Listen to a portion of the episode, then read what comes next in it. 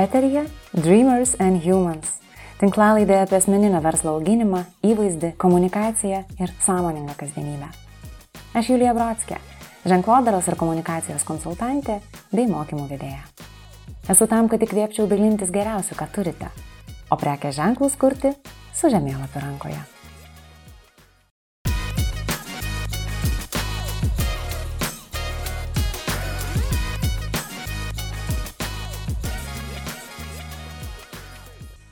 Sveiki. Šioje laidoje perstumdėme stalus, kalbinama buvau aš pati ir už šią galimybę esu dėkinga jaunai, novatoriškai, kūrybiškai Vilniaus verslo kolegijos komandai. Interviu narstėme dažniausias solo verslų klaidas komunikacijoje ir prekės ženklų kūrime. Nesistengiau būti populiari ir pakritikavau ne tik šablonišką komunikaciją, nukopijuotą autentiškumą, bet ir tokį nenatūralų santyki aš ir mano sekėjas. Linkiu klausytis kritiškai ir atrasti savo svarbes žinutės. Su jumis sveikinasi VVK studija. Aš esu Aušra Kandola. Šiandien į svečius pakvietėme Juliją Brodskę, ženklodaras ir komunikacijos specialistę, labai šiltą, nuoširdų ir bendrauti mokantį žmogų. Julija komunikacijos rytyje dirba jau ne vienerius metus ir mano nuomonė jį išsiskiria uh, savo šiltumu, samoningumu ir drąsa pasakyti savo nuomonę taktiškai ir išvalgiai. Ir šiandien su Julija mes kalbėsime tema, kaip kurti asmeninį prekę ženklą. Labas, Julija. Labas, Aušra. Tai pirmiausia, noriu paklausti, kaip tu supranti, kas tai yra asmeninis prekės ženklas? Mhm. Asmeninį prekės ženklą aš suprantu kaip asmenybės savęs išraišką ir būtent tuo tikslu, kuomet aš noriu savo asmenybę siekti galbūt savo profesinių tikslų arba realizuoti save. Tai gali būti kelios plotmės pavyzdžiui kuomet aš turiu stiprų asmeninį prekės ženklą ir noriu teikti tam tikras paslaugas arba prekiauti produktais ir stiprinu savo įvaizdį erdvėje, vieš, viešame sektoriuje ir panašiai. Tuo tarpu kita platmė gali būti, kuomet aš esu kokios nors įmonės darbuotojos organizacijos narys ir priklausau kažkokiai tai vietai, tačiau irgi stiprinu savo asmeninį prekės ženklą ir auginu savo autoritetą kaip specialisto toje srityje. Ir galbūt nesu toks individualizuotas, bet vis tiek kuriu savo kaip profesionalo įvaizdį į tai įdėdamas ir savęs kaip asmenybės. Ir tas asmeninis prekės ženklas, aš mėgstu sakyti, kad tai yra ta tokia sintezė profesionalumo ir manęs kaip žmogaus unikalumo. O dabar įsivaizduokime paprastą tokią gyvenimišką situaciją, mhm. su kuria ir aš praktiškai esu susidūrus bendraudama su klientais. Ir manau, kad mūsų studentam kolegijos yra aktualu. Sakykime, jie baigia studijas, Taip. nori pradėti savo verslą ir žmogus yra dažniausiai susitelkęs į prekių paslaugų paiešką, ar ne, kažkaip tai, ką man čia daryti, susirasti tiekėjus. Jis pats, pats labai daug ką daro, nes neturi verslo pradžioje lėšų, ar ne? Taip. Ir dažniausiai tas verslas yra pradedamas, kai apie asmeninį prekę ženklą arba apskritai tai, kas aš toks esu, e, gal labai taip smarkiai ir neįsigilinama. Daugiau yra akcentas, yra, vat, kaip viską užsukti, kad pradėtų viskas veikti ir pagyvėtų pardavimai. Ir tik tai po metų, dviejų arba net, net dar daugiau, tada kreipiamasi yra specialista, kad tai, o tai iš tikrųjų, kas yra tas mano prekė ženklas. Pradedama gilintis į tą temą. Ar toks žingsnis versle yra klaida tavo nuomonė ir ką reikėtų daryti? Aš manau, kad galbūt nereikėtų absoliutinti visų verslų, nes vėlgi yra jų skirtingi dydžiai ir skirtingos kategorijos ir veikimo sritis teisingai. Tarkim, yra tikrai tokių verslų, kurie, na pavadinkim juos galbūt neromantiškais. Siuntų pristatymas, pavyzdžiui. Ir galbūt ir natūralu, kad žmonės per daug negalvoja apie tai, kad, o gal mums tą prekės ženklą ir visą šitą verslą statyti ant kažkokio asmens ir komunikuoti jo teikiamą vertę per kažkokį asmenį. E, ga, gali būti tai visai suprantama, nes tai yra tokie verslai, kurie galbūt yra nelabai matomi, jie neturi kažkokių didelių estetinių, vizualinių išraiškų ir panašiai. Tai nenorėčiau vadinti taip šimtų procentų, kad tai yra klaida, kad mes negalvojame apie tai, tai kokie čia asmenys galėtų komunikuoti šitą būtent prekės ženklą. Bet ką galbūt galėčiau įvardinti klaida, kuomet žmonės sukūrė kažkokį savo verslą ir absoliučiai negalvoja apie to prekės ženklo įvaizdį, reputaciją, identitetą, ką aš noriu tuo pasakyti, kodėl mes veikiame ir kaip visą tai transliuosime per subtilius elementus. Pavyzdžiui, dizainą, reklamą, e, socialinių tinklų žinutės ir panašiai. Tai va tai galbūt e, dažnai yra, net jeigu ir neklaida, tai dažnai tas toksai dalykas, kuris galbūt tempia šiek tiek atgal, nes tokiu atveju mes labai daug energijos išeikvojam, su komanda galvojam, tai kokias čia vos nespalvas pasirinkti, ar su kokiais tiekėjais dirbti, su kokiais ne. Jeigu jums yra neaiškios jūsų vertybės, jeigu jums neaišku, kur jūs einate, dėl ko jūs egzistuojate, tai na, tas pasidaro tas prekės ženklas toksai labai neaiškus ir kitiems. Žinoma, kad tai lemia ir ką, ir pardavimus, ir reputaciją, bendrą įvaizdį, bendrą žmonių suvokimą apie jūs. Mhm. O kaip tada įmoniai arba tam žmogui, jeigu tai yra, pažiūrėjau, jis teikia kažkokias paslaugas, kaip jam atsirinkti, e, tai mano, mano šitą prekę ženklą jį verta kažkaip per asmenį ar ne rodyti, mhm. ar neverta. Mhm. Kaip jam pačiam vat, atsakyti, gal, o man samdytis kažkokį specialistą, ar man visiškai nereikia. Mhm. Vieno kelio tikrai nėra. Yra žmonių, kurie jaučia, kad jiems apskritai tiesiog labai įdomi šita tema ir jie norėtų įdėti tarsi infuzinti tą savo asmenį į visą projektą, kurį jie kūrė. Na pavyzdžiui, tarkim, jeigu aš norėčiau organizuoti kažkokį renginį, aš galiu jį reklamuoti tik tai kaip renginį. Štai savaitgalio renginys, programa tokia tokia, turinys toks mhm. ir toks, laukiam tokių žmonių. O galiu pati į tą renginio visą komunikaciją tarsi įdėti save. Tai yra pasakoti, kodėl man asmeniškai šito renginio reikia, kodėl aš juo tikiu, kokius man pačiai labiausiai patinka šito renginio dalys, kaip aš asmeniškai pažįstu renginio lektorius ir panašiai. Tai e, ta, tie, tie keliai yra visi įmanomi. Tiesiog, ką noriu akcentuoti, kad na, ne kiekvienam žmogui yra priimtinas tas kelias per save komunikuoti. Aš labai labai daug savo praktikoje sutinku tokių žmonių, kurie gali būti ir jogos studijos įkūrėjai, ir kavinių savininkai. Ir jie kai kurie sako, na tai tiesiog yra ne man. Aš mhm. nenoriu nei savo veidų, nei savo vardu viešinti šito verslo. Aš noriu likti užkuliuosiuose. Mhm. Ir galbūt šiame laike, 21 metų viduryje, galbūt tai ir atrodo galbūt ne pats lengviausias ir ne pats um, šiuolaikiškiausias kelias, todėl kad mes pripratę jau dabar esame prie veidų. Bet aš to, tokiu atveju nepateisinu ir tokio, žinot, lipimo per save ir, na, eisiu vis tiek su savo asmeniu, nes taip reikia, nes tai veikia, nes šiuo metu tai yra priimtina. Samoningumas irgi yra stipri vertybė ir ištikimybė savo taip pat jinai turi išlikti. Tai jeigu jaučiu, kad ne mano kelias, galbūt tada galiu eiti kitų kelių, pasirinkti nuomonės formuotojus, prekės ženklo ambasadorius, žmonės, kurie galės tapti veidais, kurie yra įdomios asmenybės atitinkančios mano prekės ženklo vertybės, bet to pačiu nelipsiu per save. Mhm.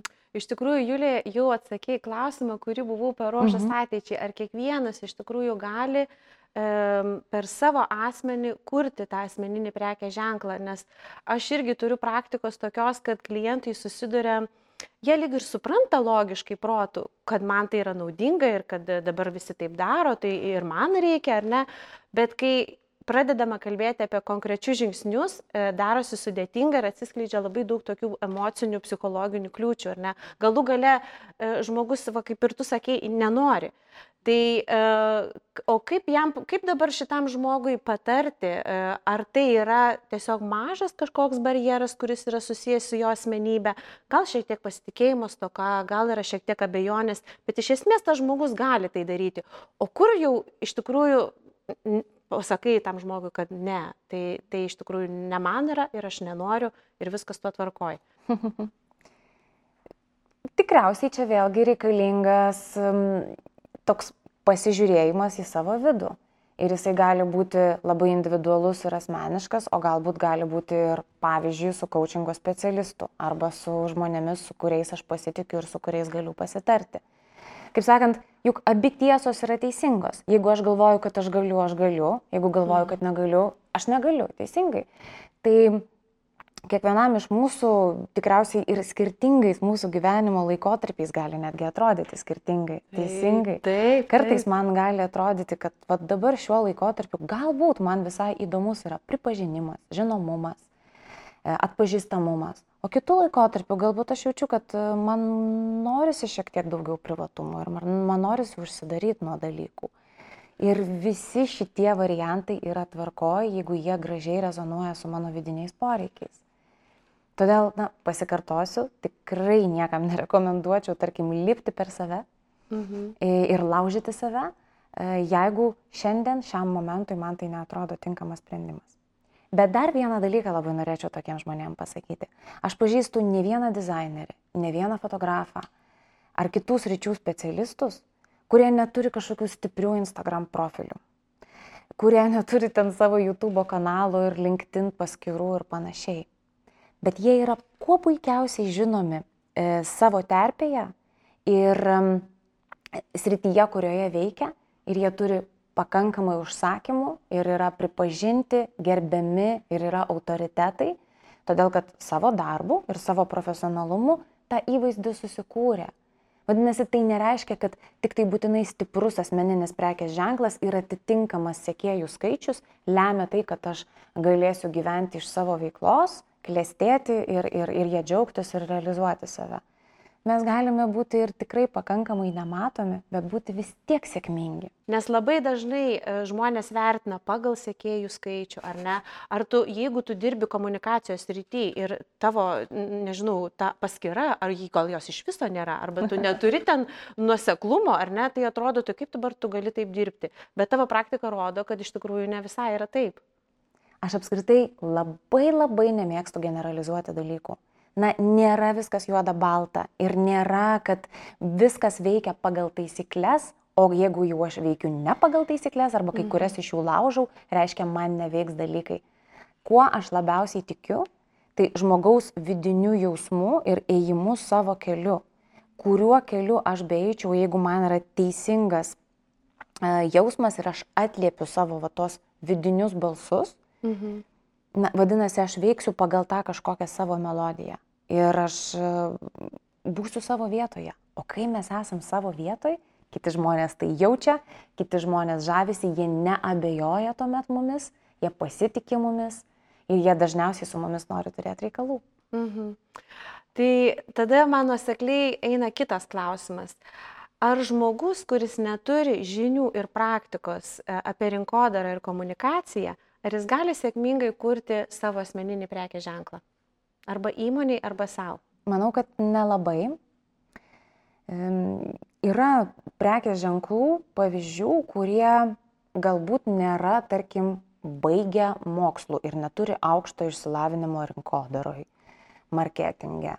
Galbūt neseka visų naujienų ir ne, nežino ten plonybių apie algoritmus ir panašiai. Bet jie turi tokį bendrą supratimą apie tai, kaip šiuo metu veikia pasaulis, socialiniai tinklai, rinkodara, reklama ir panašiai. Ir tada vis tiek tų žinių pagrindų jie tuomet gali na, savo strategiją statytis, kaip aš tą savo prekės ženklą kursiu, vystysiu, viešinsiu ir panašiai. Todėl um, sakyčiau, kad bent jau man neteko matyti ir šiuo metu negaliu prisiminti tokių žmonių, kurie, na, visiškai neturi jokio pagrindo šitoj srity, tiesiog pavyzdžiui yra geras fotografas arba interjero dizaineris mhm. ir, vad, jį visi žino ir jis turi stiprų, stiprų asmeninį prekės ženklą, kuris yra e, žinomas kitiems žmonėms. Tai sakyčiau, galbūt taip visai nepasiduočiau tokiu mhm. keliu. E, žmogui tokiam rekomenduočiau, na, bent jau, na, baigti kokį nors kursą, mokslus, Arba kai kuriem padeda ir tai, kad tiesiog aš turiu aplink, aplinką tokią mm, tinkamą tam. turiu pažįstamų bendraminčių draugų, mhm. kurie supranta šitą sritį, arba galiu žiūrėti, aha, kaip daro jie. Va, norėjau klausti, jeigu aš esu, sakykime, labai aktyvus tas toks e, dalyvis, ar ne, aš mhm. seku ir tą profilį, ir tą, ir tokį turiu bendrą supratimą, mhm. sakykime, Lietuvos rinkoje, kas vyksta šitoje srityje. Ar to pakanka? E, esu mačiusi įvairiausių variantų. Tarkim, aš dažniausiai taip ir mokausi. E, turiu prisipažinti, kad aš labai labai nemėgstu mokytis ir esu gan prasta studentė, kuomet reikia išeiti kažkokias programas, mhm. E, kažkieno sukurtus um, turinius tokius. Man yra labai labai sunku. Kažkodėl tai tiesiog, vat, man tai netinka. Taip. Pasižiūrėkite, kaip yra jums. Gal jums tai tinka. Todėl aš esu iš tų žmonių, kurie mokosi per praktiką. Aš stebiu, kaip daro kiti ir tikrinuosi, ar man tai būtų įdomu. Pavyzdys. Ar man būtų įdomu filmuoti e, stories ar kažkokį kitą efemerišką turinį. Ar man būtų įdomu kurti tinklalaidą, ar man įdomiau fotografuotis, ar man reikia profesionalios fotosesijos ar ne. Tų būdų yra krūvos. Ir jie nėra nei, nei kažkokie geresni, blogesni už vieni už kitus. Tada aš tikrinuosi, kuris kelias, vat, man atrodo, labiau mano, labiau apie mane. Ir tokiu būdu galiu vat, prisigaudžiusi tokios skirtingos informacijos, kaip kas veikia, įsikvėpdama žmonėmis iš viso pasaulio, atsirinkti, kuris kelias man yra geriausias. Tačiau kartais bendraudama su savo klientais aš labai aiškiai matau ir va tokį e, tendenciją. Jie sako, man pavyzdžiui labai patinka, na tarkim, Beta Nikolson ir jos asmeninis prekės ženklas. Taip. Bet ne kiekvienas iš tų žmonių geba e, tarsi į stalčiukus susidėti ir atsirinkti, o tai ką Beta Nikolson daro tokio, ką aš galbūt galėčiau irgi pritaikyti savo komunikacijoje. Mhm. Ne, turiuomenį nenukopijuoti, įsikvėpti, prisitaikyti, m, mm, pasigaudyti. Ir ne kiekvienam tai pavyksta. Kai kuriems žmonėms iš tikrųjų reikalinga ta tokia coachingo sesija, konsultacija, kad jam padėti atpažinti savo tas stipresias pusės, savo savybės, kurias būtų jam mm, protingiausia transliuoti, e, norint užsiauginti autoritetą jo srityje. Ir, ir, ir va, susirašyti, susidėti į stalčiukus, e, kažkaip tai ap, apsibriežti, Vat e, žmonės labai labai skirtingi. Mhm, manau, kad čia yra pakankamai sudėtinga užduotis. Pasakyti, kas patinka arba nepatinka apie tam tikro mhm. žmogaus asmeninį prekį ženklą yra pakankamai lengva. Bet e, kai reikia išsigryninti, konkrečiai įvardinti, Taip. tai tada iš tikrųjų, iš tikrųjų labai yra toks klausimas, tai kas aš esu, koks aš esu, ar ne? Taip. Čia apie tai kalbama. Kai kurie kopijuoja aklai, aš pastebiu to labai daug, ehm, tiesiog pat mato kokią nors nuomonės formuotoją veikiančią mhm. ir pradeda daryti praktiškai tą patį. E, kitas variantas - baigia kokius nors super sėkmingus, dažnai Amerikoje sukurtus Instagram auginimo profilius ir mhm. irgi tiesiog viską daro pagal vadovėlį. Mm, tai irgi variantas, nenoriu šitoj vietoj pasmerkti ir sakyti, kad ne, ne, ne, taip nedarykit. Jeigu jūs taip norit ir jeigu jums taip įdomu, pirmin ir paeksperimentuokit su savimi ir su savo auditorija. Kur tik tai matau šitoje vietoje bėdą, galim netyčia pamesti save visiškai. Ir mūsų ta komunikacija, jinai gali būti tarsi ir labai profesionali. Atsidarau profilį ir atrodo viskas taip tikrai gražiai, su skoniu ir labai aiškiai, mhm. ir žmogus žino tos visus mažiukus tokius fintukus, kur čia ką daryti mhm. ir, ir kilintą valandą įdėti ir panašiai ir panašiai. Mhm. Ir valio, jeigu nepraradai pakeliui savęs. E, jeigu nėra taip, kad to savo tikrojo atpažįstamumo ir to tokio unikalumo nepameti. Mhm. Aš gal pasidalinsiu savo išvalgą. Tokių profilių Instagrame yra labai daug iš tikrųjų. Liet, aš kalbu apie Lietuvos rinką. Mhm. Ir kas tada atsitinka? Atsiverti Instagramą ir matai, kad e, labai daug žmonių yra vienodi. Ir tada nebeįdomu kažkaip sekti. Jų norisi kažko tokio kitoniškumo. Tai šiuo atveju, kuriant tą prekę ženklą, labai Tai padeda išsigryninti, tai kuo aš esu kitoks, ar ne?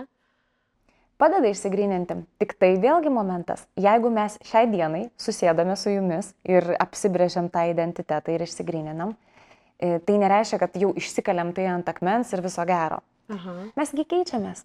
Mūsų gyvenimai keičiasi, jų dinamikos keičiasi ir e, mes patys galbūt po kurio laiko pradedam, galim pradėti atsibosti savo. Ir reikia vis nuolatos prie šito grįžti ir pasitikrinti, aha, tai ar čia vis dar va taip man pačiam faina, kaip aš dariau iki šiol. Ir ar va būtent šita mano savybė, kurią aš akcentuoju, komunikuoju kitiems, ar vis dar man pačiam yra, pavyzdžiui, pati svarbiausia. O dėl tų vat, vienodų profilių užra, mhm. tai labai sutinku, kas, kas liūdniausia, kad jie pradeda darytis labai nuspėjami. Taip. Nes tai yra tas šabloniškumas, pagal kažką išmoksta arba nu, aklas kopijavimas yra. Mhm. Mhm. O koks būtų tą patarimas, jeigu žmogus neturi e, labai daug gal tos praktikos irgi ir daugiau gal eksperimentuoja ir su savimi, ir kaip tu minėjai, su savo auditorija, kaip jam va, pastebėti, kur aš jau, nes gali tas kopijavimas būti toks nesąmoningas, kad kopijuoji ir tu net nesupranti, kad kopijuoji. Tai kaip į save pažiūrėti ir atpažinti tą kopijavimą? Pradėkime visų pirma nuo to, kodėl jūs apskritai nusprendžiate, kad jūs šitą paskirtą auginate. Na, vad jeigu jau mes dabar šnekame apie socialinius tinklus. Kas tai yra? Ar jūs norite susikurti savo darbo vietą? Pavyzdžiui, jūs siuvinėjate gražiai. Ir Taip. norite siuvinėti ant marškinėlių, ant įvairių rankinių ir panašiai. Ar tai yra jūsų va, darbo vieta, iš kurios jūs norite gyventi ir galbūt iš tikrųjų tenais reikia kažkokios tokios strategijos pasižiūrėti, kaip čia ką daryti, kaip man e, susikurti tą savo savitumą ir sėkmingą parduodančią paskirtą ar jūs tiesiog neturite ką veikti. Ir tai yra jūsų vat, noras pasitikrinti, kiek aš galiu susirinkti sėkėjų. Yra ir tokių žmonių, Taip. jie tiesiog kažkiek prisidengia tais savo profesiniais momentais, bet iš tikrųjų jie tiesiog nori to vat, būtent pripažinimo, kas nėra irgi blogai iš esmės. Bet nori vat, augintis, augintis, tapti galbūt populiariais, žinomais ir panašiai. Tai visų pirma, aš norėčiau visą laiką žmogui užduoti klausimą, su kuo yra susijęs noras tą savo paskirtą kelt, augint, viešint ir kas yra jums geras tikslas. Nes kažkas tai tiesiog nusprendžia, kad nori, kad jinai būtų didelė, bet galbūt tau su tavo siuvinėjimo veikla, pavyzdžiui, kuo puikiausiai užtenka tūkstančio sėkėjų, kad tu galėtum nuostabiai save išlaikyti ir būti tokiam gyvenimo laisvalaikio balansė ir būti laimingas žmogus. Kažkaip visą laiką norisi iš giliau žiūrėti į visus savo veiksmus ir savo sprendimus ir suprasti, dėl ko kas yra daroma. Nes galbūt iš tikrųjų tu pasieksi tą savo tūkstantį sėkėjų ir valio, ir čia jau yra tavo vat, viršūnė. O dabar e, Kaip, užra, tu klausai, kaip pasitikrinti? Taip, kad kaip man suprasti pačiam, kad aš nekopijuoju kitų? Samoningumas. Vienintelis atsakymas yra samoningumas.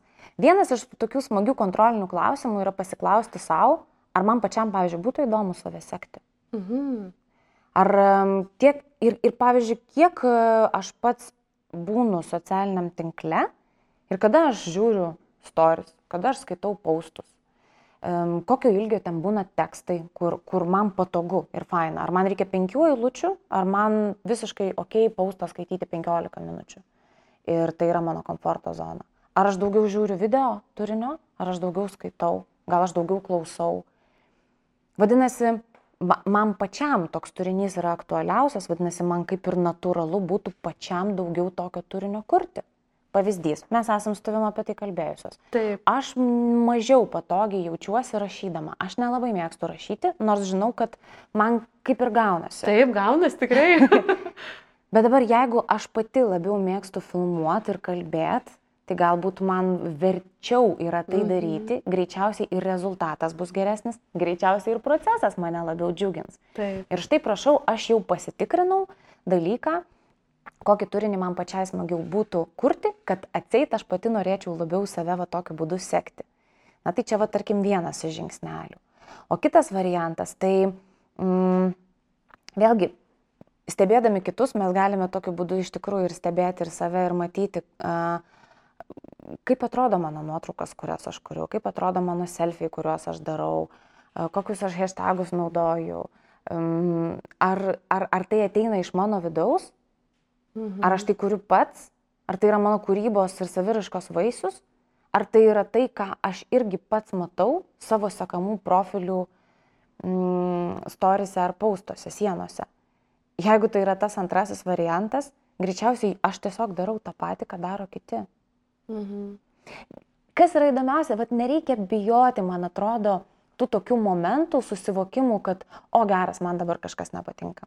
Aš asmeniškai šiuo metu išgyvenu šitą vat krizę mhm. ir esu netgi už ją labai dėkinga, um, kuomet jaučiu, kad viskas vat yra atsibodę.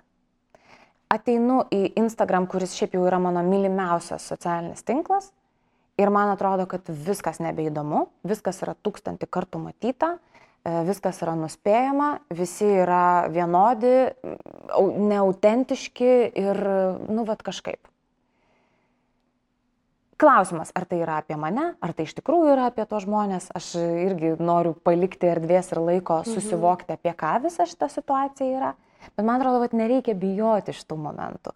Tos krizės, jos banguoja, kartais atrodo pakilimas ir atrodo, kad čia ir to turinio noriu tiek daug kurti. Ir energetiškai turiu daug resurso. Ir rašyti, ir skaityti, ir paustinti, ir panašiai. O kartais yra visiškai kitaip. Ir va tos krizės, a, jos nėra patogios. Aš nesijaučiu šiuo metu patogiai, ne? Taip. Tame vat, paskutinio storį tikriausiai įdėjau prieš savaitę. Nu. Keista, ne? Atrodo, visos taisyklės pažeidžiamos. Ką tu, ar tu galvoji, Julija, apie algoritmus, kurie šiuo metu kenčia nuo viso to? Nuoširdžiai nelabai daug galvoju, todėl kad daugiau galvoju apie savo vidinę sveikatą ir apie savo vidinį komfortą. Nu, jeigu aš nejaučiu, kad aš noriu dėti, tai ar aš dabar turiu tai daryti dėl to algoritmo ar dėl dar kažko. Žmonės tikrai nenumirs dėl to, kad Julija Brodskė savaitę neįdėjo nei vienos stories. Yra tiek daug paskirų, kurias galima sekti. Ir, ir turinio, kurį galima skaityti ir žiūrėti, kad nu, nieko pasaulis dėl to tikrai neprarado. O man tai yra galimybė pasitikrinti kas vyksta, galbūt tai yra kažkoks lūžis, galbūt mhm. aš noriu kažkaip dar kitaip viską daryti. Jeigu man atsibodo tai, ką aš matau, galbūt aš šiuo metu turiu galimybę pradėti daryti kažką, ko dar niekas nedaro. Mhm. Labai gera išvalga. O Julija paklausė taip asmeniškai ir drąsiai, ar nebijai tokiu atveju būti pamiršta? Mm -mm. Žinok, visiškai aušra nebijau būti pamiršta. Na, dabar, va irgi labai įdomu, jeigu kam nors yra tokia vidinė baime, jinai irgi yra labai įdomi galimybė pasižiūrėti, o kas slepiasi už tos baimės. Ką reiškia būti pamirštam? E, galbūt yra laikas būti pamirštam, e, būtent su kažkokiu konkrečiu savo identitetu. Ne? Mhm. Galbūt tau užsiverinėja šita tavo gyvenimo sritis. Nu, yra fotografai, jie sako, fotkinau dešimt metų, nu nebenoriu. Taip, taip. Ir galbūt ir yra, ir atėjo laikas nebebūti identifikuojamam kaip vestuvių fotografui, nes tau vyksta kažkoks kitas gyvenimo etapas ir panašiai. E, ir galų gale, na, nesu kažkokia ten labai ezoterikos gerbėja ir panašiai, bet e, aš tikiu tuo, kad jeigu mes galime duoti kažko kitiems žmonėms ir pasitarnauti kitiems žmonėms, net jeigu mes apie tai nepaustinsime nuolatos ir net jeigu mes mėnesiui dviem dinksime iš viso iš interneto, tie, kam reikės, kam ateis laikas, jie mus paskambins, mus kažkas rekomenduos kažkam telefonu, taip, taip. kažkas prisimins apie mūsų straipsnį, kuris buvo prieš metus Lietuvos ryte. Ir kam reikės, tie tikrai susiras ir visata tikrai pasirūpins tuo, kad tu galėtum save realizuoti ir savo vidinės dovanas įdarbinti. E, galbūt tai netrodo kaip kažkoks labai protingas superstrateginis požiūris, mhm. bet e, aš ir neformuoju ir nesinčiu tokios žinutės apie tai, kad aš vien tik tai už strategiją, vien tik tai už tokį e, tikslinį plano laikymas ir panašiai ir panašiai. Tai yra labai geri dalykai. Ir aš palaikau darbą strateginį, skaičiuojant, turint buhalteriją ir suvokiant, ką mes darom ir kodėl. Mm, bet tuo pačiu nepamirštant ir to, kas vyksta mūsų vidiniuose pasauliuose, nenudeigiant jų, nenustumiant jų kažkur toliau, nes jie irgi lemia. Kiek kartų yra tekę matyti, kuomet žmonės iš deficito, iš energetinio deficito, iš tokio nelabai tikėjimo savimi tuo, ką darau ir iš baimės to, kad, oi, gal čia mane pamirš ir galbūt nebeišgyvensiu, mhm. vis tiek daro tai, ką darė ir taip truputėlį per jėgą stumdami save vis tiek, pavyzdžiui, paustina taip. ir, ir, ir kūrė turinį ir panašiai, nes taip reikia. O visa tai yra protinga. Jis matydama, kad pas jūs to resurso nėra, e, nelabai ir atsiunčia ką. Ir šimtą kartų tikrai teko įsitikinti, kad kuomet pušinam, pušinam, pušinam, nes jau taip visai, visai jau susispaudėm ir per tą įtampą nelabai kas gimsta. Mhm. O Julija, o ką tu patartum klientui, kuris yra atsidūręs tokioje situacijoje?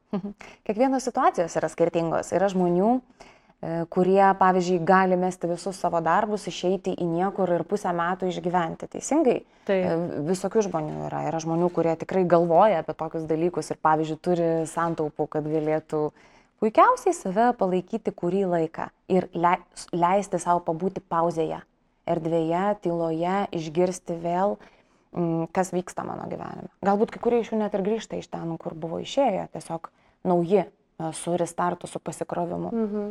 O kai kurie ne, žinoma, negali. Yra žmonių tikrai, kurie turi tas savo darbo vietas, susikūrę, mm, daug įdėję įdirbio į visą tai. Ir yra šeima, yra vaikai ir aš negaliu čia dabar uždaryti visų durų, ištrinti Instagram paskyrą galbūt. Tai be jokios abejonės tikriausiai reikia atsispirti nuo savo galimybių ir žiūrėti, ką aš dabar galiu daryti su tuo, ką aš galiu. Galbūt susimažinti darbo apimtis, bet ir toliau kažkiek daryti tai, ką darau, o galbūt po truputį ieškoti būdų migruoti. Jeigu minėtas vestuvių fotografas pavargo nuo vestuvių, galbūt jį dabar domina kažkokios asmeninės fotosesijos, profesinės fotosesijos, tiesiog produktų fotosesijos, kur yra tikrai mažiau streso, kitokios apimtis, kita dinamika ir panašiai. Tai vėlgi mes niekur nepabėgsim nuo samoningumo, nuo vidinio pasitikrinimo ir įsivertinimo, tai kiek aš dabar galiu atsisakyti ir kažkiek tos pauzės įsileisti, o kiek vis dėlto man kurį laiką toliau reikia važiuoti su tuo, ko aš važiuoju. Aš atsimenu, yra tikrai puikus patarimai tų žmonių, kurie e, padeda susitvarkyti su iššūkiais e, tiem, kurie kardinaliai nori keisti gyvenimą ir, tarkim, Aš pati kadaise išėjau iš saugaus teisinio darbo mhm. ir jie dažnai patarė, kad, na, žmonės, jūs galbūt nesudeginkit visų tiltų, jūs galbūt kol dar dirbate toje savo teisėje, galite po truputį, po truputį turėti tą vadinamąjį side project. Mhm. Šalia yra kažkoks projektas, kurį aš po truputį tikrinuosi, čiupinėju ir žiūriu. Čia galbūt vieną dieną gali tapti mano pajamų šaltinis, bet ar man apskritai patinka šitas procesas. Mhm. Tai vėlgi, kelių yra daug, Mhm. Vieno teisingo atsakymo nėra. E, man atrodo, kad e, kas yra labai drąsu ir būtų labai išmintinga, tai nebijoti to nepatogumo. E, nebijoti tos krizės. Josgi visur aplanko ir santykiuose, ir darbe, net ir santykėje su savimi. Ir leist išvelgti tame galimybę ir netgi su tokiu džiugesiu ir smalsumu žiūrėti į tai. Mhm. Kas čia bus? Na va, tikras samoningumas iš tikrųjų komunikacijai.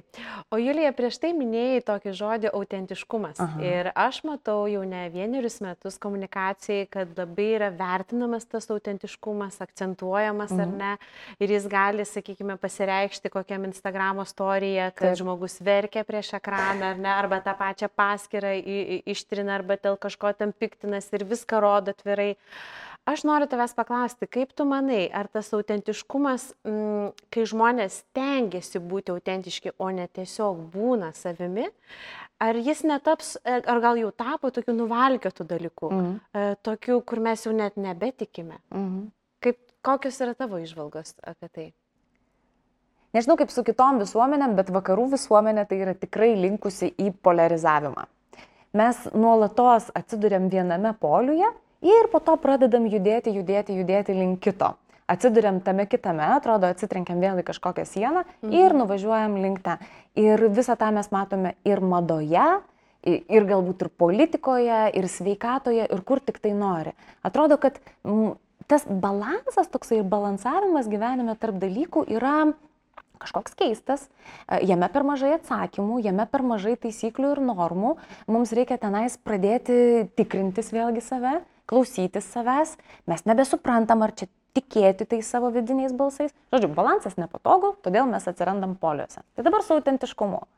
Aš tai, man tai beveik, kaip ir jau beveik kiksmažodis jis yra iš tikrųjų tas autentiškumas, nes e, treji, ketveri metai visuose Instagram mokymuose ir e, personal branding e, paskaitose tu visur išgirsi tą vieną iš tokių svarbiausių taisyklių - būkite autentiški. Taip. Ir žmonės, vėlgi, viena kategorija, e, kuo puikiausiai supranta tą autentiškumą. Todėl, kad jeigu aš turiu santykių su savimi, pažįstu save kaip asmenybę Taip. ir pats suprantu ir pasirenku, kiek noriu savęs e, transliuoti, rodyti kitiems, kiek aš noriu pasilikti savo intimaus gyvenimo vertybių požiūrių savo, Na, tokiem žmonėm yra viskas gerai. Jie neturi problemų su to autentiškumu ir jiems net nereikia tų mokymų apie tai. Jie tiesiog savaime yra autentiški. Mhm. Teisingai. Dabar kita ta kategorija, jinai prisiklauso tų mokymų, jinai prisižiūri e, Instagramo profilių ir jinai galvoja, valio, aš irgi noriu būti autentiškas. Ir tada ką jie padaro, kitas žingsnis, jie nueina ir susiranda taisyklės, kaip būti autentišku. Žinoma, vienas iš e, pasiūlymų tenais visą laiką būna, būkite pažeidžiami, būkite savimi ir rodykite ne tik tai savo tobulą pusę, ne tik tai gražiausius kadrus, kaip pavyzdžiui čia. Žiūrovai mato uh, paruoštą, uh, gerą erdvę, tinkamą, taip? Taip. Bet autentiškumo mokymuose paaiškins jums, kad parodykite ir užkulisius, parodykite virtuvę. Na ir tada visi pradėjo fotografuoti savo virtuvės ir užkulisius, kas nėra blogai, bet vėlgi, jeigu mes visi tik tai taip suprantame autentiškumą ir jeigu mes visi tik tai taip pradedame komunikuoti, tai yra joks neautentiškumas, tai yra vėlgi tas pats masinis elgesys ir virstantis tuo pačiu trendu. E, su ašaromis prieš kameras ir panašiai yra vėlgi tas pats. Tai kas yra ir juokinga, ir žavu, kad e, žmonės pamiršta tą momentą, kad e, toks samoningesnis, protingesnis vartotojas jis iš tikrųjų keurai mato kitus. Tai yra, gal, galim pasižiūrėti penkių, tarkim, merginų prisipažinimus, kokius nors apie jų sunkę sesiją šiuo metu e, per Instagram story. Ir matysime, kad kuri iš jų yra autentiška, o kuri iš jų žino, kad tai yra turinys, kuris vėlgi kilstels jos reitingą ir, ir, ir kad jinai tiesiog taip daro, nes jinai žino, kad tai veikia. E, mes žmonės, net jeigu neturime kažkokių super profesionalių žinių apie komunikaciją, bet ką mes turime, tai mes turime empatinius čiuptuvėlius ir mes gebame suprasti, ar žmogus vaidina, ar jisai yra savimi. Tai čia visa laimė, kad dauguma iš mūsų gebam. Tai va šitoje vietoje tiem, kurie uh, tą savo autentiškumą norite statyti ant kažkokių taisyklių ir patikrintų metodų, valio pirmin, tik tai turėkite omeny, kad uh, kiti autentiški ir saviti žmonės jūs keurai permatys ir jumis nepatikės. Mhm. Labai geras išvalgas, Julija. Iš tikrųjų. Ačiū. Taip, aš dar noriu paklausti apie tokį dalyką. E, labai dažnai komunikacijoje mes tą savo skaitytoją, lankytoją įvardiname žodžiais klientas, vartotojas, Taip. pirkėjas. Bet a, jeigu mes jį vardiname kitų, žmog, kitų žodžių ir aišku pradedame žiūrėti, kad tai yra tiesiog žmogus, ar ne, taip. asmenybė, charakteris, pomėgis ir taip toliau, ar komunikacijoje va, tas toks atrodo menkas dalykas požiūris į tą, kit, kas yra kitoje ekrano pusėje. Mhm. Ar jis keičia tą komunikaciją ir, ir kaip jinai vyksta ir, ir ką mes, kokie mes tada esame, kaip tau atrodo? Čia paraleliai išvesiu, kaip yra ir su viešuoju kalbėjimu arba apskritai stovėjimu ant scenos. Aš galiu į sceną eiti su požiūriu tokiu. Aš einu nes esu kažkoks, na, aukštesnis už kitus žmonės. Žinau daugiau negu jie ir aš stoviu, reiškia, ant scenos, ant piedestalo, o jie visi vat manęs klauso ir mane seka. Aš galiu eiti su tokiu požiūriu. O galiu eiti su tokiu požiūriu. Aš kažką žinau, ko galbūt kiti nežino, o galbūt yra pamiršę. Ir aš einu su idėja pasitarnauti tiem žmonėm. Iš tokios pozicijos, kur nesu kažkoks aukštesnis už juos kitus, esu tiesiog kitoks, nes mes mhm. visi e, esame tikrai labai labai e, diferencijuoti, bet e, horizontalioj plotmėje, ne vertikalioj, jokiais būdais. Ir e, kuomet aš turiu va, tokį e, prieėjimą prie situacijos, aš tuomet na, nevadinsiu tų žmonių žiūrovais, auditorija, kažkokiais sekėjais, vartotojais ir panašiai. Todėl, kad aš einu duoti, pasitarnauti, aš nueinu atiduoti tai, ką turiu, žinau. Mm, tas pats yra su socialiniais tinklais. Man labai, tiesą sakant, irgi nepatinka šitos savokos, reiškia sėkėja. Tai aš esu tavo sėkėja, tu esi mano sėkėja. nu, nes taip ir yra, tai taip, taip. taip ir gaunasi. Taip. Mes vieni kitus pasiekam, pasižiūrim, paskaitom, palaikinam ir panašiai. Bet e, man labiau tikrai priimtinas tas suvokimas, kad vat, mes esame bendruomenė. Mes esam kompanija, Hebra. Ir tiesiog esam skirtingų spalvų, jeigu jums taip patogiau įsivaizduoti. Ne? Ir tos spalvos visos yra reikalingos, nėra nei viena geresnė ar blogesnė už kitas, jos yra tiesiog viena kita, kita gali kažkaip pasitarnauti, papildyti ir panašiai. Ir kuomet aš žiūriu į tuos kitus žmonės kaip į žmonės, nu pasižiūrėkit, mes ateinam, susirenkam vat, į erdvę, keliasdešimt žmonių, ar mes kažkada tai pradedam galvoti apie tai, kad uh, aš kažkuo esu aukštesnis arba, arba geresnis už kitus, nu aš tiesiog esu su savo duotybėm, tu su savo. Filmavimo likusi komanda su savo. Taip. Valio, tai yra taip nuostabu. Tai yra taip gražu e, džiaugtis tuo savo unikalumu, kitoniškumu, e, visais tais e, imperfekcionizmais ir panašiai. Tai aš labai norėčiau palaikyti kuo daugiau tos tokios kultūros ir požiūrio, kad E, ar jūs rašote kažkokį įrašą, ar bet kokį turinį, kai kūrėte, eiti iš tos tokios pasitarnavimo ar noro kitiems duoti, kažkaip papildyti, padovanoti kažką požiūrio, o ne iš to, kad aš čia kažkoks, nu, šiek tiek biškiai aukščiau.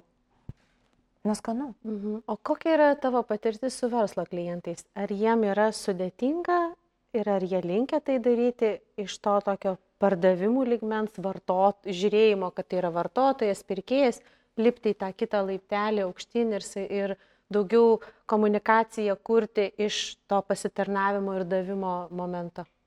O įvairiausių kompanijų yra. Mm, labai tikriausiai irgi priklauso nuo kompanijų įkūrėjų ir nuo vidinės kultūros, kas tenais vyksta. Nes e, tikrai progresyvios šiolaikinės e, įmonės ir vėlgi vakaruose šiuo metu tai yra vis labiau ir labiau kalbama, rašoma, lektoriaujama tom temom apie tai, kad nu, kas yra lyderiai ne, kompanijų. Tai yra tie žmonės, kurie pasitarnauti turėtų savo komandai visų pirma, o ne vadovauti e, jai ir sekti paskui savo komandą, o ne atvirkščiai. Tai vad, kai šitą koncepciją žmonės pritaiko savo kompanijose, jie pradeda ir į žmonės žiūrėti, kad tai nėra ta masė žmonių, kurie padės man užsidirbti pinigų arba išgyventi. Tai yra ta masė žmonių, kuriai aš galbūt galiu suteikti kažkokią prekę, paslaugą, kurios dar nėra arba kuri yra kažkokia nepatogi šiuo metu rinkoje. Ir suteikti žmonėms kažką gero, papatoginti jų gyvenimą, išspręsti jų problemas. Ir faina, kad man po to, aišku, grįž energetinė graža pinigais, dar kitais dalykais ir panašiai kaip faina yra tai, kad žmonės tai irgi jaučia, kuomet į juos yra va, toks požiūris, mes norim jumis pasirūpinti, mes norim jums tikrai kažkaip paspalvinti jūsų kasdienybę, kaip norisi tada su tokia kompanija turėti reikalų. Aš labai labai norėčiau ir linkėčiau mums visiems, kad visuomenė eitų link, tai, link to ir kad būtų vis daugiau tokių kompanijų. Žinoma, mes turime ir didžiulę galybę ir labai negražių pavyzdžių, teisingai, kurie tikrai netvariai, neatsakingai žiūri į praktiškai viską. Nuo aplinkos iki viešinimo momentų, psichologinių dalykų ir panašiai. Kaip tu galvoji, Julija, kokios yra pagrindinės klaidos, kuriant asmeninį prekį ženklą? Viena, kurią jau mes šiandien vartinome, tai laikyčiau tokiu aklų kopijavimu kitų. Taip. Aš tikiu, kad netgi jeigu tai pavažiuos, tai gali pavažiuoti kuo puikiausiai. Todėl nenoriu atkalbinėti žmonių. mhm. Važiuokite, jeigu jums važiuojasi toksai vat, ėjimas pramintų takų. Tik tai, kad ilgalaikį perspektyvoje čia gali iškilti problemų. Nes vėliau kažkada tai gali būti, kad, na, tiesiog ilgame laiko tarpe vis tiek įvyks krize. Ir vidinė, ir galbūt net ir išorinė tokiam asmeniniam prekės ženklui. Dar kitas dalykas, tai sakyčiau, nevientisumas, e, komunikacinis nevientisumas. Tai reiškia, jeigu aš nusprendžiau, kad dabar veiksiu pagal tai, kas man šiuo metu yra gražu ar negražu. Mhm.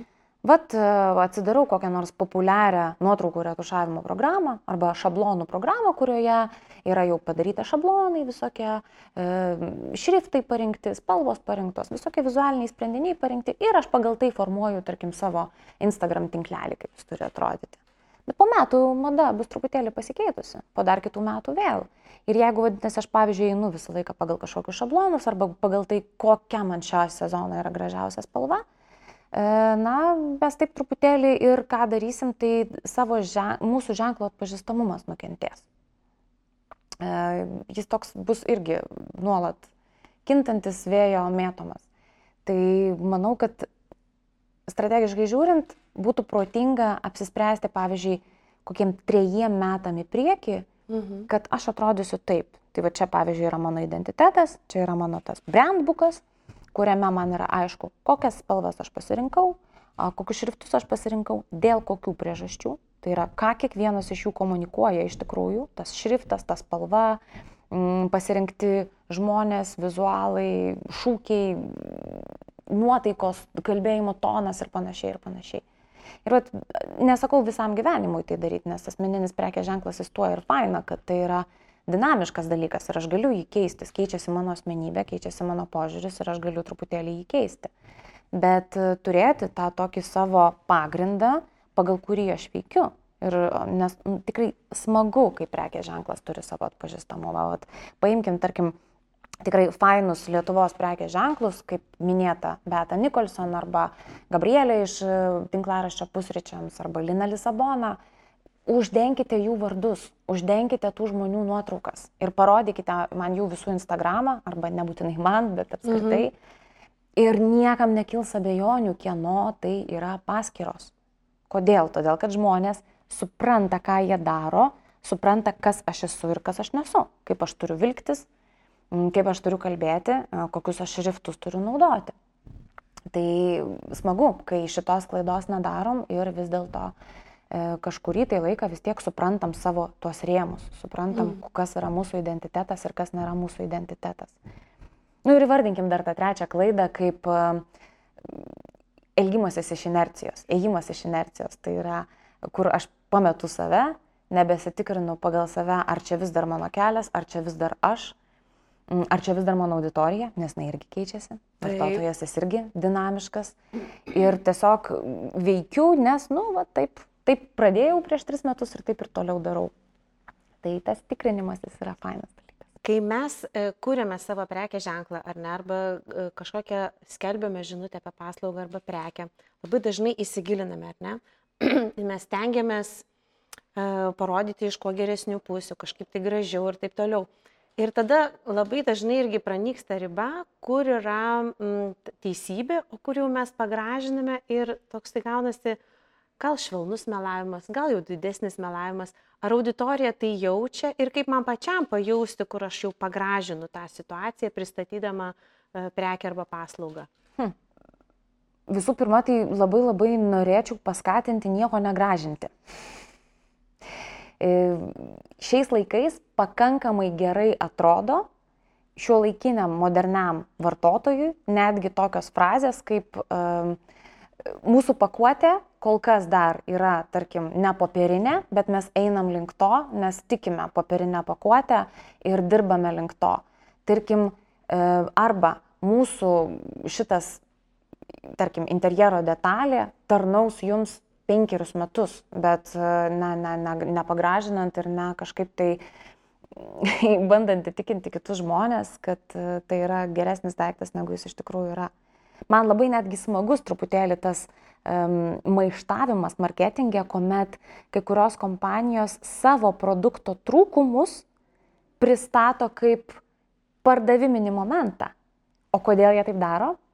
Dabar pavyzdžio negaliu prisiminti, bet e, galim paimprovizuoti, kad galbūt yra koks nors jogurtas, kuris sugenda per dvi dienas.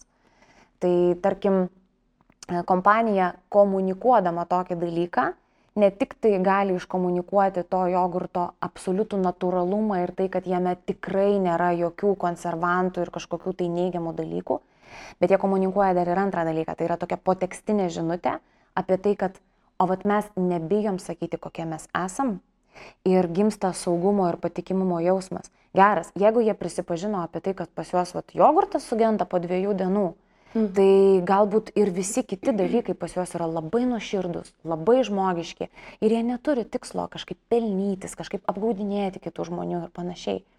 Ir va tokį va tarsi trūkumą mes galime netgi panaudoti kaip mūsų privalumą ir kaip irgi mūsų įvaizdžio dalį. Mes žmogiški, mes paprasti, mes tokie, kokie esam. Kosmetikos kompanijos to kuo puikiausiai naudojasi. O dabartinis vėlgi bumas apie tai, kad kosmetika turi būti kuo natūralesnė ir panašiai, ir nusipirki, tu reiškia, plaukų galiuko aliejų, ir tau jau parašyta, po mėnesio greičiausiai aliejus apsiblaus, pasidarys nebegražus, su nuosėdom ir panašiai. Tai yra natūralaus produkto požymis. Ne? Tai skatinčiau žmonių tikrai niekada nieko nepagražinti, e, viskas išlenda finale, o tie žmonės, kurie galiausiai jūsų prekia įsigijo, jiegi savo draugams labai greitai papasakos, klausykis, nekokybiška, nepatiko, e, o, o dar ir nuslėpė ir apgavo. Taigi dar būtinai mes hiperbolizuosim ir pagražinsim viską. Tai būkim savimi ir neslėpkim to, kaip yra. Tai galim netgi tikrai panaudoti kaip privalumą. Mhm. E, dar paklausiu kito klausimo. E, kokias tu matai tendencijas, kuriant asmeninį prekės ženklą Lietuvoje ir užsienį, ypač užsienį? Dabar tai man truputėlį liūdnoka tokia tendencija, mm, ką aš matau, nes visi prisimokėm, ypatingai per pastaruosius metus, perėjom labai daug mokymų, tai vad einam šabloniškais keliais dažnai ir mm, bumas dabar fotosesijų profesionalių visokių fotosesijų.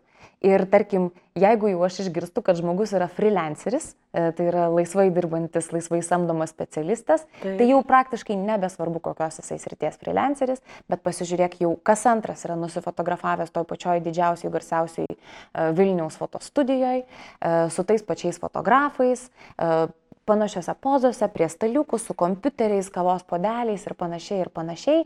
Mm, taip, tai yra vaizdas, prie kurio mus jau pripratino vėlgi keliari metai, kaip mes tą matome ateinant iš Amerikos, iš e, apskritai vakarų pasaulio ir mums atrodo tai kaip naujas toks kokybės standartas. Tai reiškia dabar, jeigu aš freelanceris, aš turiu pasidaryti tokią fotosesiją, po to aš turėsiu pasidaryti dviejų minučių filmuką su dronu. Nu. ir supranti, Vat, uh, vat tendencijos yra tokios ir aš manau, kad jos kurį laiką dar išliks. Deja. Kitas momentas, dabar irgi visi kažkaip tai užšoko ant to, kad, nu jūs būtinai turit visi video turinį filmuoti. Ir dabar to video turinio yra galybė. Ir laivai, tiesioginės transliacijos, ir stories, Ir e, podcastus, taigi man labai patinka šitas juokelis, kad, e, kaip sako Olegas Šurajevas, tikriausiai konstitucijai greit atsiras straipsnis, kad kiekvienas Lietuvos gyventojas turi turėti patinklą-laidą. Man labai smagus šitie yra dalykai yra. Ir vat, vėlgi atrodo, kad mes visi, o dabar atradom kažkokią aukso gyslą ir mes visi dabar turim va tai padaryti. Kurti tinklalaidės, imti interviu ir, ir, ir daryti va šitos visokius dalykus. Tai va tendencija, manau, kurį laiką išliks tokia. E, bet mane asmeniškai labiausia žavi visi tie prekių ženklai, kurie sako, o va jūs darykit man, ką norit, aš selfių nedarysiu, aš uh, savo uh, portretinių nuotraukų vieną kitą įdėsiu, aš noriu eiti kitų kelių.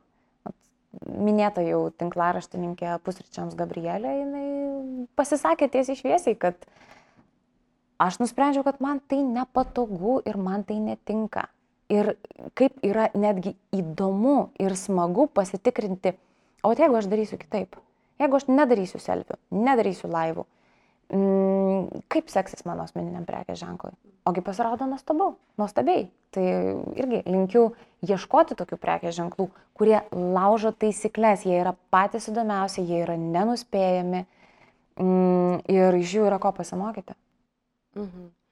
Ir aš dar noriu sugrįžti į mūsų pokalbio pradžią, mhm. kai pristačiau tau situaciją, kad jeigu žmogus, sakykime, baigia mūsų kolegiją, nusprendžia pradėti savo verslą ir kada atsiranda jau tos žinios ir, ir kreipimasis į specialistą, Taip. tai dabar jeigu vėlgi sugrįžtume prie tokio žmogaus ir jis neturi galimybių lėšų kreiptis į, į, į komunikacijos specialistą, mhm. kokie būtų tavo keli pagrindiniai patarimai, kaip jam padėti išsigryninti e, tą asmeninį prekę ženklą? Pirmai pradžiai tai tikrai gali būgi pasidaryti tokias individualias sesijas ir susivokti, kas aš esu ir kaip aš noriu atrodyti, e, kaip aš noriu būti identifikuojamas visuomenėje, su kuo asocijuojamas ir panašiai. Tai tikrai galite pačiai pirmai pradžiai, visiškai taupydami savo resursus, tiesiog susirasti Google paieškoj klausimynus.